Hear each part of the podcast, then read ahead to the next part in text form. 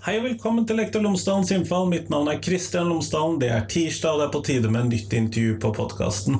Denne gangen så snakker jeg med Silje Sveum. Hun er styreleder for eh, Barnevernsbarna. Hun jobber også som erfaringskonsulent i Barnevernsbarna. Eh, hun er eh, Vel, hun begynner å bli voksen, da, men hun er jo et barnevernsbarn også, og oppvokst med den tilknytningen. Og vi skal snakke om hvordan skolen tilpasser seg disse elevene? Hva, hva, er viktig for disse elevene? Hva er det som gjør at de får en god skolegang? Eh, hva kan vi gjøre for å bidra til det? Sånn at det er eh, dagens tema på podkasten. Ellers, podkasten er som alltid sponset av Cappelen Dam Utdanning, og hvis du går inn på tverrfaglig.cdu.no, så finner du alle de oppleggene som Cappelen Dam Utdanning har laget i forbindelse med fagfornyelsen i videregående skole. Oppgaver, tema, ressurser, alt sammen, det finner du på tverrfaglig.cdu.no. Så er det mulig at du allerede har tilgang til dette fra arbeidsgiver. Eh, men hvis ikke, se om du finner en prøveperiode. Det tror jeg kan bli veldig bra. Tverrfaglig.cdu.no. Her kommer intervjuet med Silje. Vær så god.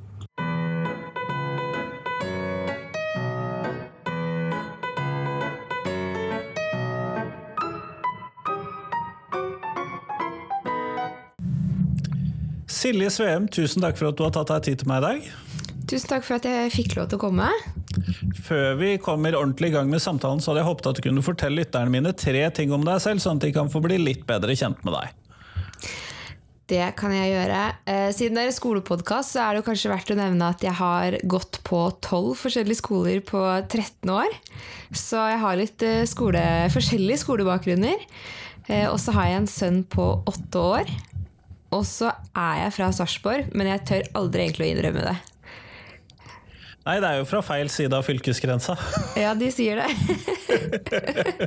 nei, jeg er fra Drøbak, sånn at uh, det er jo Ja. Jeg har en, faktisk bodd i Drøbak. Ja, nei, Det hørtes ut som du hadde bodd en del steder. Og du, jeg snakker jo med deg fordi at jeg ønsket å snakke med Landsforeningen for barnevernsbarn. Ja. Eh, fordi at jeg lurer på hva jeg som lærer må tenke på for at jeg skal tilrettelegge best mulig, skape en best mulig skolehverdag. Kanskje nettopp for elever da som kanskje har byttet mange skoler, kanskje har mye i livet sitt. Så jeg håpet at du kunne hjelpe meg der. Ja, jeg skal gjøre så godt jeg kan i hvert fall, og gi, prøve å gi noen råd på veien. Vi har jo en ganske stor medlemsmasse, så jeg skal prøve så godt jeg kan å representere de og gi deg noen gode råd og tips på veien i dag. Men hvis vi da skal ta helt i utgangspunktet, hva er det viktig at jeg vet om denne gruppen, da? Jeg tenker at Det som er viktig å huske på, er at som alle andre ungdommer og barn, så er vi også forskjellige, og vi vil ha forskjellige behov. Så er det litt viktig å tenke på da at det som jeg deler med deg i dag, det vil funke på noen, eh, og kanskje ikke på alle. Sånn som det er på alle andre barn og elever. ja, nei, og det er jo viktig å tenke på, det har du helt rett i. Men ja. Eh, du hadde jo flyttet veldig mange ganger i livet. Mange mm. skoler. Er det mm. noe som ofte går igjen? Det er noe som dessverre litt for ofte går igjen. Mange av oss blir plassert i f.eks. beredskapshjem eh, litt omkring rundt i landet, eller kommer på eh, et fosterhjem, og så finner barnevernstjenesten ut at dette funker ikke, så nå skal vi på en institusjon. Eh, mange av oss venter lenge på fosterhjem og prøver forskjellige typer hjelpetiltak. Så det er veldig mange av oss som flytter mye rundt på forskjellige typer grunnlag. Og da vil vi jo også ha med oss forskjellige typer ting som setter litt i veien for skole. Jeg kan ikke snakke på vegne av alle, men sånn for egen del hvert fall, så kan jeg si at 13-14 eh, år gamle Silje brydde seg ikke så veldig mye om skole, for det var en ting i livet som ikke gadd å forholde meg så veldig mye til. Nettopp, nettopp. Det var rett og slett for mange andre ting som tok plass, da. Ja, det er ofte mye andre ting som tar plass i livet. Det er mye store spørsmål og mye man sitter og tenker på, og mye som kan være vanskelig. Og det å da skal sitte sitte i seks-syv timer stille på en stol og følge med på hva noen andre sier. Eh, da kan det på en måte gå tre veier. Det kan gå veldig bra.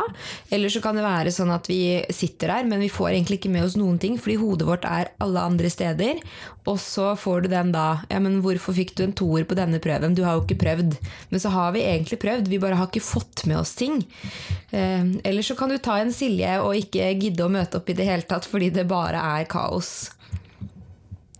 Ja, og dette kaoset er vel kanskje ikke så lett å håndtere, men du sier det at uh, man hadde kanskje ikke fått med seg ting. Det, det, rett og slett, det fremmer kanskje ikke akkurat læring å være så opptatt, vil jeg tro, med forskjellige ting i hodet. Nei, det er noe med det. Da blir det liksom litt prioriteringer, og så tror jeg jeg er veldig forkjemper for at vi skal forstå hvor viktig skolen egentlig er eh, mange av oss er heldige og blir på en måte tatt i siste liten, hvor det da går kjempebra. Eh, og det er veldig viktig, fordi jeg tror vi fort kan glemme litt du sitter der når du er 20, og så tenker du åh, søren, det her var jo egentlig kjempeviktig, og så tok jeg meg ikke tida til det. Eh, hva gjør jeg nå? Og spesielt sånn som Norge er nå, da, hvor du på en måte må ha en høy utdannelse for å få deg den jobben du vil ha. Nettopp, nettopp. Uh, og det, det, det, gjør det jo vanskelig, fordi at den erkjennelsen kommer vel kanskje litt for sent for mange? Ja, det gjør den nok. Uh, det er jo som jeg sier, veldig mange kommer den etter videregående hvis man uh, går ferdig videregående. jeg var en av de som ikke gjorde det. Eh, fordi at da kunne jeg bestemme selv, og da syns jeg det var en tullete ting å bruke tida mi på. Ehm, så jeg, jeg, tror det på en måte er veldig viktig at man har gode, trygge voksenpersoner. Være seg gjerne lærere, eh, eller fosterforeldre eller foreldre eller en tante, eller altså en eller annen som på en måte ser deg og ser det behovet du har der, da, og kan hjelpe deg gjennom det så tidlig som mulig. Nettopp, nettopp. Men også antar jeg, når du kommer da på skole nummer ti mm. Jeg vet ikke hvor jeg, jeg vil vel tro at det kanskje oppleves som litt midlertidig? Ja, ofte så kan det nok eh, gjøre det for noen. Eh, for min del så var jeg veldig heldig, fordi når jeg kom på skole nummer ti, så kom jeg i et fosterhjem med en fostermor som var lektor, eh, og en fosterfar som jobba på videregående skole. Eh, så jeg fikk beskjed om at enten så går du på skole, eller så eh, kan du ikke bo her. Eh, og da var det på en måte ikke noe alternativ for min del. Og på det tidspunktet så jobba også fostermoren min i PP-tjenesten og ga meg kjempegod oppfølging og veiledning før jeg bytta skole, sånn at jeg på en måte var klar over hva jeg skulle gå til. Men så er det jo mange av oss som har eh, vært innom f.eks. sånne type institusjonsskoler, eh, hvor det er veldig løst og fast, hvor man egentlig målet er bare at man skal komme på skolen. Man skal ikke få fraværet, eh, men det går jo da utover de tinga man kanskje egentlig skal lære, da. Eh, jeg ser tilbake selv på min tid på institusjonsskole som den beste skoleperioden jeg har hatt i livet mitt, men jeg lærte ikke så veldig mye annet enn om Knut Hamsun, husker jeg liksom blei en greie for meg. Så det er litt forskjellig det også fra liksom person til person, men det er alltid den ene skolen som bikker deg én av to veier. Enten så henter den deg inn, eller så skyver den deg helt bort. Du nevnte enkeltlærere eller ja, altså viktige voksenpersoner i dette. Kunne du si noe mer om det? Ja, jeg tror det er viktig at vi har voksenpersoner som er trygge og gode, og som ser eh, og forstår at ting kan være litt vanskelig. Eh, og som veldig ofte da møter med omsorg og forståelse. Eh, det tror jeg er veldig viktig og veldig avgjørende. Og så tror jeg også at hvis læreren din kan være den personen, så er det enda lettere å få deg til å komme på skolen. Eh, hvis du har den ene læreren som ser deg, og så veit at i morgen skal du ha et ansvarsgruppemøte, eh, og da veit vi at det, sitter lille Ole og tenker på nå. Eh, kanskje gi noen alternative oppgaver, eller spørre hva er det du trenger nå for at du skal komme deg gjennom denne dagen her på en god måte. Og da prøve å få det til mens han er på skolen, uten at han nødvendigvis da skal reise hjem for å ligge aleine i senga og bare tenke og gruble på det møtet som er dagen etter etter. Ja, for da blir man jo i hvert fall ikke kvitt tankene. Nei, det er nettopp det. Å sitte aleine med det, det er det verste vi kan gjøre. Men når jeg da får en elev som eh, virker som er alle andre steder i hodet, og at eh, livet tar litt plass. Og du nevnte nå i alternative oppgaver. Er det noen andre reaksjonsmåter som jeg kan gjøre som vil gjøre det lettere for mange av disse elevene? Eh, fordi at eh, jeg vil jo helst at jeg kan skape en skolehverdag som er best mulig og tryggest mulig, og da er det jo litt vanskelig når jeg ikke har vært der selv. Mm. Uh, det jeg tenker er å spørre rett ut og ha en dialog med den aktuelle ungdommen og få vite hva er det du trenger.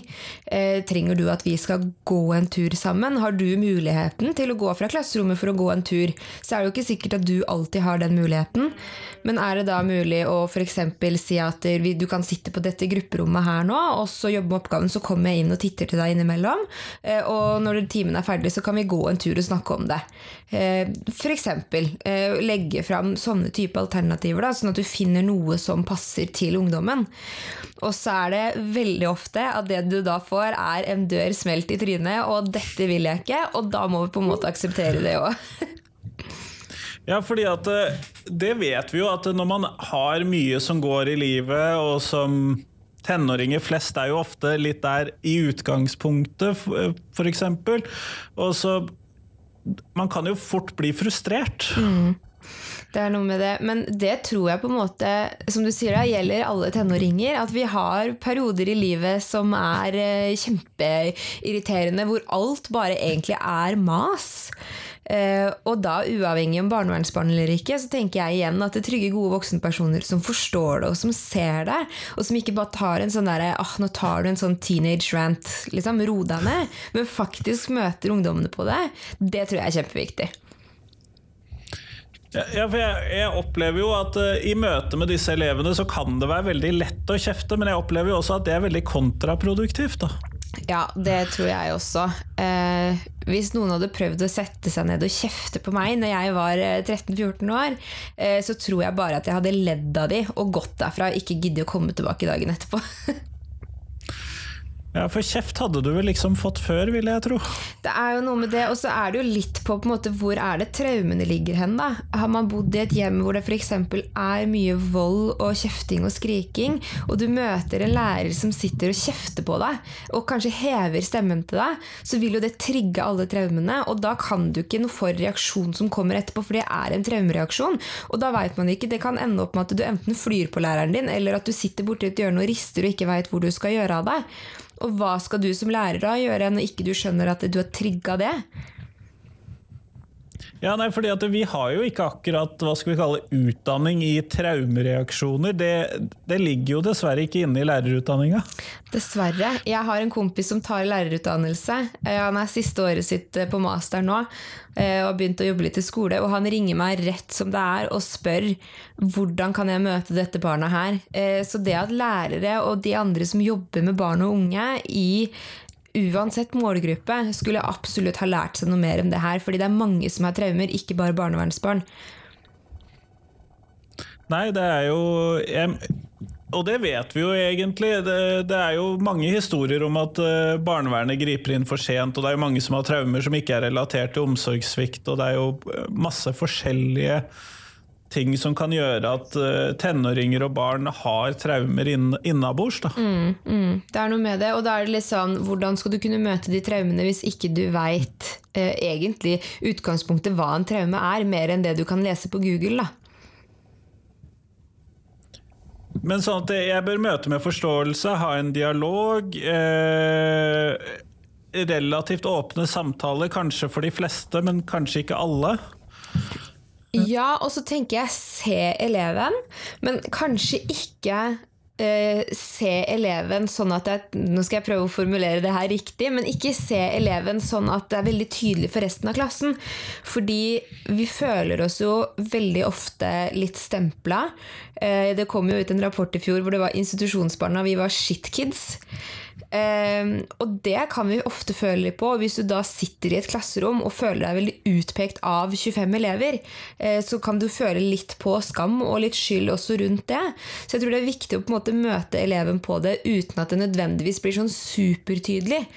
Jeg tror vi alle sammen kan tenke tilbake til en klasse vi har gått i, og så bare sånn han eller hun fikk liksom mye oppmerksomhet fra læreren og var litt bråkete. og og så blir man voksen, så tenker man det på det på en helt annen måte da, enn hva man kanskje gjorde når man var yngre.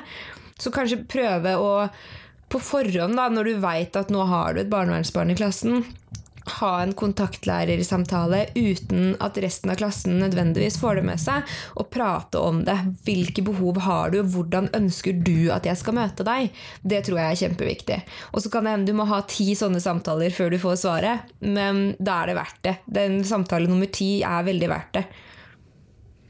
Sånn at det, det, det, jeg opplever at du sier deg er rett og slett det å få til dette uten at det i seg selv skaper en sosial stigmatisering. Da. Ja. Uh, og det kan jo være krevende innimellom hvis det f.eks. er litt sånn utagering og en del sånn tydelig frustrasjon som da blir signalene. Ja, så jeg tenker at, Men det skal jo ikke være lett, skal det det? jeg tror jo ikke det, men jeg må jo innrømme det. Eh, når du sa det du sa knyttet til dette med det sosiale spillet og det å se tilbake og huske eh, den ene eleven som det var noe ekstra med. Jeg husker jo fremdeles hvilken elev i klassen min jeg gikk i barneskolen som bodde på barnehjem. Ja, ikke sant? Det visste jeg jo da. Mm. Eh, sånn at det er noe i det du sier der, opplever jeg.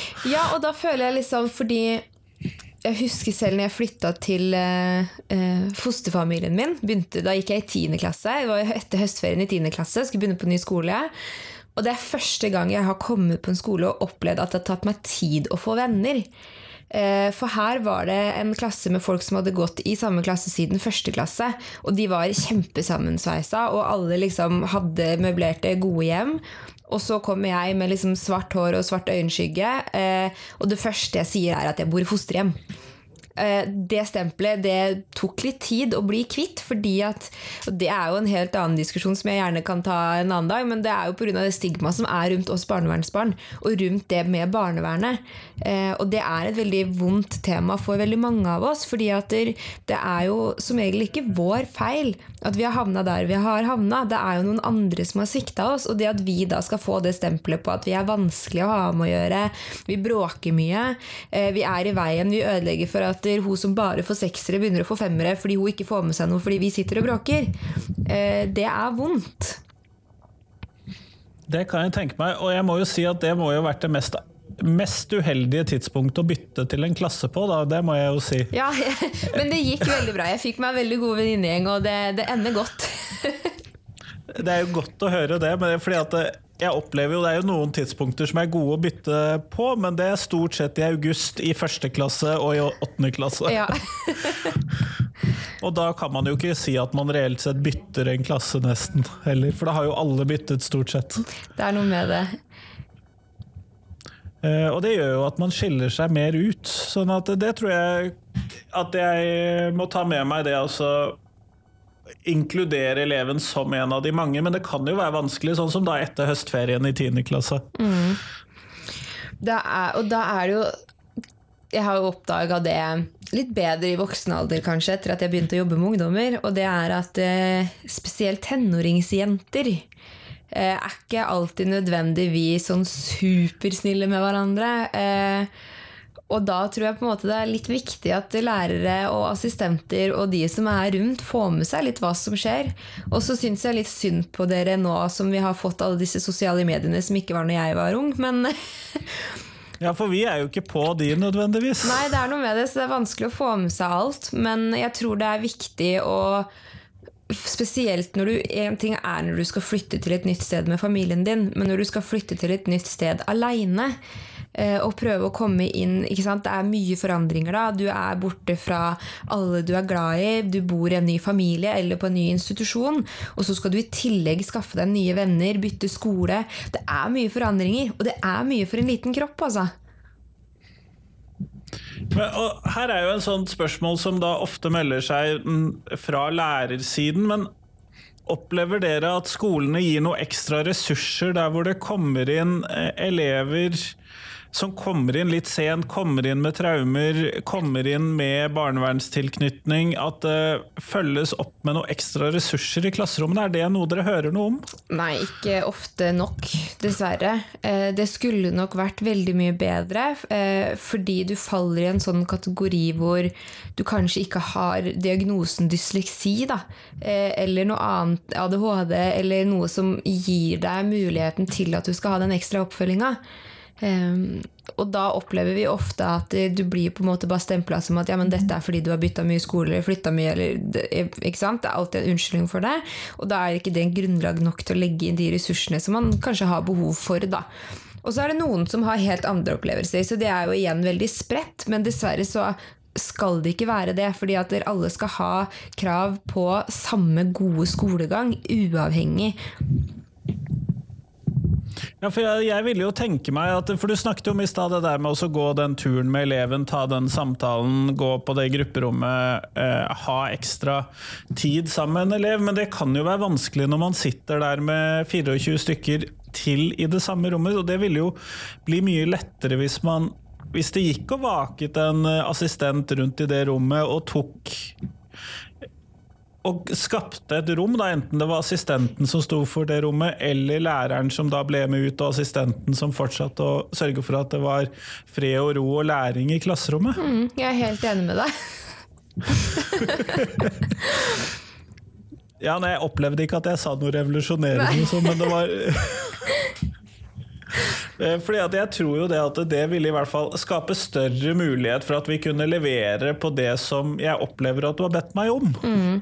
Ja, det gjør jeg også, og da tenker jeg jo at her må vi til høyere systemer og skrike litt ut til regjeringene på dette er behovet som er i skolene. Um, og det er jo ofte litt sånn når det er snakk om skole, så blir jo ofte så blir vi litt glemt bort. Eh, jeg skrev en kronikk i NRK tidligere i år.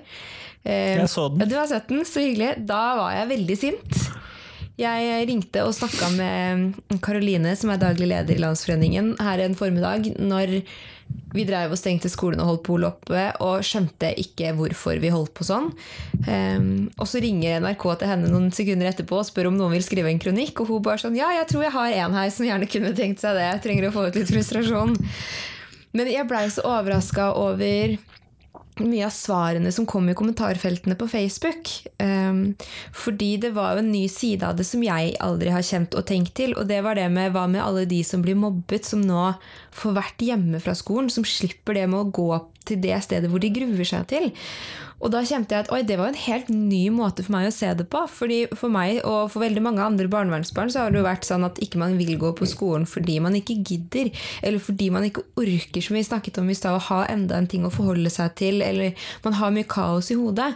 Men det å ikke gå på skolen fordi man blir mobba, det hadde liksom ikke jeg tenkt på tidligere. Så det å ha assistenter i klasserom med noen som kan følge opp, være seg barnevernsbarn eller ikke, med muligheten til at de som kanskje syns det er litt vanskelig å være der, har muligheten til å ta seg fem minutter, det tror jeg alle bare har godt av. Det som jeg syns er veldig interessant med det du nå sier, er at min opplevelse egentlig er stikk motsatt. Ja.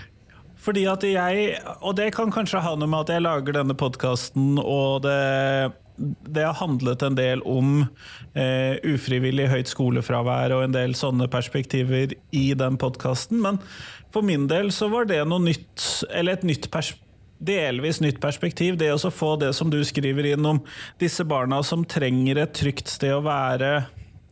Eh, og det må være på skolen. Mm. Eh, fordi at jeg for min del møter historien om de som holder seg hjemme mye oftere enn jeg møter de som holder seg på skolen fordi de ikke vil være mm. hjemme. Mm. Den eh, målgruppen som jeg eh, skrev om i kronikken, var jo de som enda ikke har blitt fanga opp godt nok til at de har blitt flyttet enda. Eh, hvor de lever hjemme under eh, rusmisbruk, være seg alkohol eller narkotika, og seksuelle overgrep eh, i hjemmet. De føyk til værs i fjor, når landet stengte ned. Barn av rusmisbrukere har en sånn privatchat eh, hvor du kan være anonym. Hvor Jeg skal ikke være 100% sikker på at jeg sier riktig nå, men jeg tror det var fra mars til november så økte antall med incest 40% i chatten deres. Så alle de her som da fortsatt bor hjemme, og som barnevernstjenesten ikke veit om, eh, som da kan gå på skolen for å bare være barn, det det er, så mange som bare kan gå og være barn i seks timer før de må hjem og forholde seg til foreldre som ligger på sofaen og sover fordi de er fulle, eh, eller de er redde for å miste en gaffel i bakken fordi da kan det hende de får et slag. liksom. Og de tingene der, det er så viktig at vi liksom ikke glemmer de også. Ehm, og jeg kjente selv at det var viktig å bli påminnet i, for jeg jobber jo med barn som allerede er under barnevernstjenesten, som sitter med de traumene her. Men akkurat i fjor så satt jeg og tenkte og kjente mye på de som ikke hadde blitt plukka opp ennå, som bodde under det. Eh, og vi så jo også at bekymringsmeldinger gikk ned, fordi lærere avdekker mye. Lærere ser mye som ikke alle andre ser fordi Altså, jeg, vet, jeg, har jo en sønn selv, og læreren til barnet mitt er jo nesten like mye med han som det jeg er. Om ikke mer. ikke sant? Så det er jo lærere som er mest på, da, og som kan avdekke mye av de tingene her. Eh, og når vi da stengte skolene, så forsvant det. Ja, og De har jo sagt det at antallet varslinger til barnevernet fra skoleansatte har jo gått dramatisk ned i løpet av det siste året. så vidt jeg har ja, forstått. det er nettopp det, fordi de var jo ikke der. ikke sant? De så ikke hva som skjedde. Nei, og det gjør det jo litt vanskelig, og så er det jo Jeg mistenker jo at vi alltid vil ha disse hva skal vi kalle, uoppdagede sakene i skolen. Mm. Det vil vi nok alltid ha, og så er det jo også viktig å tenke på eh, Lærere har jo en meldeplikt, eh, men jeg tror det mennesker ofte glemmer, er at vi har alle en meldeplikt. Så hvis du ser naboen din, da, og du ser på en måte at det sitter en ti år gammel gutt ute på trappa klokka 11 på kvelden mens det skriker inne i huset, så har du en plikt som et menneske å ta av telefonen. Og ta heller en ekstra enn en for lite det er jeg veldig opptatt av. At vi hadde en kampanje på Arendalsuka i 2019 som het hashtag 'jeg lover å si ifra'. Um, og det er uavhengig om du er lærer eller ikke, at vi alle har et ansvar på å si ifra hvis vi ser et barn som har det vondt. Og så er det jo sånn at det ligger litt ekstra på lærere, fordi som jeg nevnte i stad, så er dere er mest med barna våre. Uh, så dere ser mye mer enn det vi andre ser, og dere får en helt annen type relasjon til barna enn det mange andre gjør. da. Og da er det kanskje nettopp viktig å være den trygge for de det gjelder. Det er nettopp det. Og du kan fort da være den det barnet tør å åpne seg til ikke sant? og fortelle om For du kan jo ha et barn i klassen din som ikke er et barnevernsbarn enda. Eh, som da plutselig en dag tør å åpne seg opp for deg. Og da er det du som sitter der og er det tryggeste i livet. Og det er skummelt. Eh, og som lærer så har du ikke fått så mye forberedelser til det i utdanningen din. Men jeg har tro på at når du velger å jobbe som lærer, så har du et hjerte som tilsier at det er en jobb du gjerne tar, og som du gjerne følger opp etterpå. Eh, og det, nå må jeg jo nesten spørre litt, fordi at hvis man da er i den situasjonen at dette barnet åpner seg for en, hvordan tenker du best case scenario for å møte det er? Jeg antar jo at mennesker er forskjellige og barn har forskjellige behov som vi, stort sett kommer innom, men hva tenker du er liksom best case scenario av hvordan vi reagerer på det? Jeg tenker at hvis et barn åpner seg for deg, så skal du ikke ikke Selv om det kan være vanskelig, så kan det være eh, Nå kommer det så klart an på alderen til barnet som deler, men det kan jo være, ikke være en lur reaksjon å f.eks. begynne å gråte og si 'å, dette var veldig vondt, og nå ble jeg veldig lei meg', fordi da vil vi sitte med skyldfølelse og dårlig samvittighet for at vi har gjort læreren vår lei oss. ikke sant? Men møter de på eh, 'dette er vondt å høre om', eh, hva trenger du fra meg? Og også informere om at jeg har en meldeplikt. Jeg er nødt til å fortelle dette her sånn videre. Ehm, og hvis barnet er stort nok til at det kan medvirke på det, da spørre de hva slags rolle ønsker du nå? Skal jeg ringe til barnevernstjenesten? Skal vi ringe de sammen? Eh, at man kan snakke litt åpent og ærlig eh, rundt det, da, og også forklare at dette her er noe vi gjør fordi vi bryr oss om deg, og fordi vi ønsker at du skal ha det bra, og dette her høres ikke ut som det er noe bra for deg. Ehm, og da har vi som voksne et ansvar på å si ifra på det. Eh, og også trygge på at 'men jeg kommer til å være tilgjengelig for deg etterpå'. Nettopp, nettopp, nettopp. Det, det høres jo ut som en hva skal vi kalle det, en god Ja. plan. da. Jeg eh, har vært veldig heldig og fått lov til å være med som erfaringskonsulent via Landsforeningen på et prosjekt som RVT Øst har. Jeg vet ikke om du har vært borti det er sånn snakkesim, snakkmedbarn.no, hvor du kan øve Nei, det har Nei, vært borti. det er veldig fint. Der kan du øve deg på disse samtalene her sånn. Eh, hvor det er en sånn simulator, så får du forskjellige alternativer på hva du ønsker å svare. Eh, og så er det forskjellige målgrupper, aldersgrupper, fra liksom fem år og opp til 16. Eh, så du kan øve deg på de samtalene her sånn med barn. Og nå er jeg vel sikkert litt inhabil, for jeg har vært med på det prosjektet her i noen år. Men jeg er veldig for Jeg syns de har vært kjempeflinke, og det er veldig de lærer mye om det som er viktig for oss, bl.a. om medvirkning, og hvordan du skal møte barna i disse samtalene her. Så det er rett og slett en øvingsplattform for lærere og barnehagelærere på å møte barn på den måten. Så det anbefaler jeg å sjekke ut. Ja, jeg skal ta og legge ved lenke til det i, i shownotesen til episoden. Og jeg skal også legge med den saken som du skrev Ja, på. NRK. Eh, For det tenker Ja. jeg at hører med. Men vi går mot slutten her, eh, Silje, og da lurer jeg jo på det som jeg alltid spør om til slutt. Og ut ifra sånn som du ser det, hva er de tre viktigste tingene som skolen lærer elevene? Da har jeg egentlig lyst til å svare eh, geometri, men det er ikke sant. Jeg ble litt overrasket over at det var Ja. det du kom med. Nei, jeg tror eh, på skolen så lærer vi eh, å være mennesker og møte andre mennesker. Eh, og det tror jeg er en veldig viktig ting som eh, skolen lærer elevene fra første klasse av og oppover. Og så er veldig positivt overraska nå over hvor gode skolene har blitt på å lære elever om nettvett. For det er en ting jeg er veldig opptatt av i 2021. At vi har god godt nettvett og forstår eh, konsekvensen av å ikke ha det. Eh, og så er det skolen som gir oss et utgangspunkt til resten av livet. Jeg er veldig forkjemper for at vi skal gjøre det bra på skolen og få den utdannelsen som vi vil, og ikke skal sitte når vi er 22-23 og angre på det. Så det syns jeg skolene er veldig flinke på, og jeg syns det er veldig viktig. Og så håper jeg at vi kan få inn flere assistenter, sånn at vi kan bli enda bedre på det. Kjempeflott. Tusen takk for at du tok deg tid til meg i dag, Silje. Takk for at jeg fikk lov til å komme. Det var veldig hyggelig.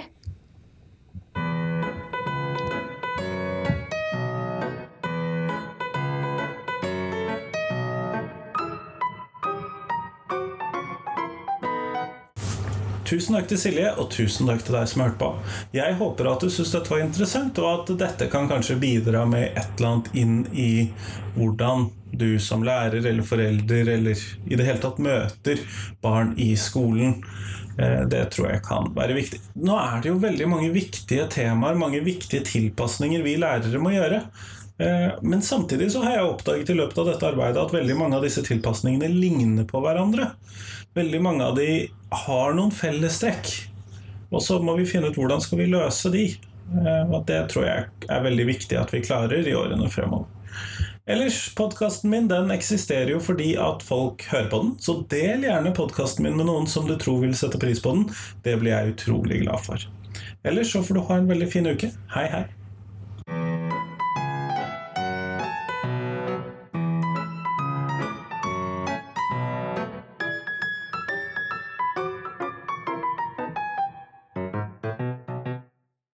Husk at hver eneste torsdag så kommer jeg ut med et uh, Tenketorsdag-bilde, hvor jeg stiller et spørsmål jeg tenker er viktig å te- reflektere over for norsk skole.